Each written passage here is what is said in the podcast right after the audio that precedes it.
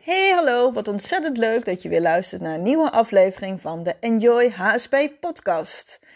Ik weet niet of het jou ook is opgevallen nu je weer wat meer eh, naar kantoor mag. Of misschien was je altijd al op kantoor, maar komen er nu steeds meer mensen. Dat je ochtends toch vaker wat last hebt van een loopneus of dat je moet niezen. Nou, ik uh, ga sinds kort ook weer wat meer naar kantoor. En vooral nu er meer collega's zijn, merk ik inderdaad dat ik toch wel veel moet niezen. En vroeger wist ik helemaal niet waarom ik steeds moest niezen of waarom ik een loopneus had. Nou ja, nu ben ik allergisch voor uh, huismeid en ik heb hooikoorts. Dus ik dacht van, oh, dat ligt daaraan. De schoonmakers hebben net schoongemaakt. Dus uh, daarom uh, moet ik zo niezen.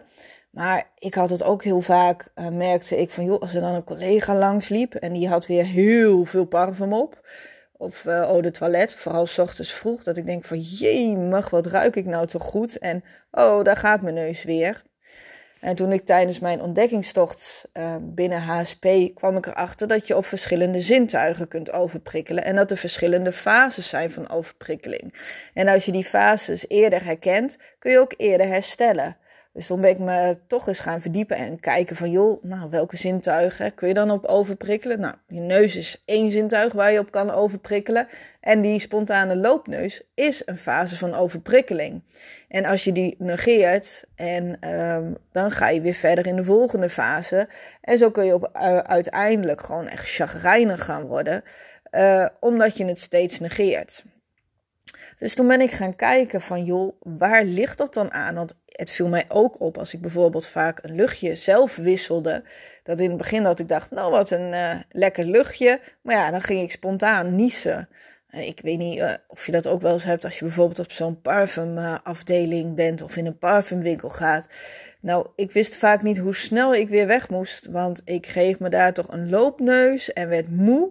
En nou weet ik dat ik gewoon spontaan ging overprikkelen. En uh, vroeger gingen we heel vaak naar uh, Frankrijk toen. Toen zijn we daar ook eens een keer naar, in, in Gras is dat volgens mij. Hebben ze zo'n fabriek waar ze parfums maken.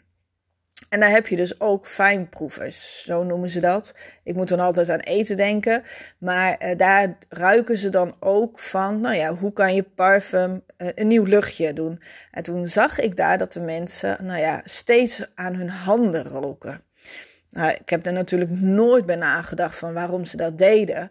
En toen ik me ging uh, verdiepen in hè, mijn neus, kwam ik erachter dat als jij aan je hand gaat ruiken, dat je dan uh, je neus weer neutraliseert.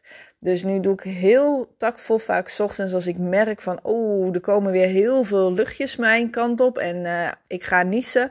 Doe ik mijn hand voor mijn mond en neus natuurlijk, dat is het belangrijkste. En dan ga ik daar even aan ruiken. En dan merk ik al vrij snel dat de overprikkeling weggaat. En dat het me dus minder energie kost. Maar zo kun je bijvoorbeeld ook geur inzetten om juist te ontprikkelen. Als jij uh, leuke herinneringen hebt aan geur, dan kan dat weer zorgen dat je juist weer uh, vrolijker gaat worden. Zo kan ik dus bijvoorbeeld, wij hebben hier uh, de fabriek van Bolletje. En soms als de wind uh, goed staat, dan ruiken we gewoon heerlijke koeklucht. Nou, als ik die gewoon alleen al ruik, daar kan ik al vrolijk van worden. En natuurlijk, soms zorgt het ook voor overprikkeling uh, als er iets is aangebrand. Maar over het algemeen is de geur zo lekker. Ja, dan kan ik dan echt zo genieten. En dan zie ik mezelf vooral heerlijk een kopje koffie of thee drinken. En dan met een koekje erbij. Ja, dat zorgt voor mij dan echt voor om te ontprikkelen.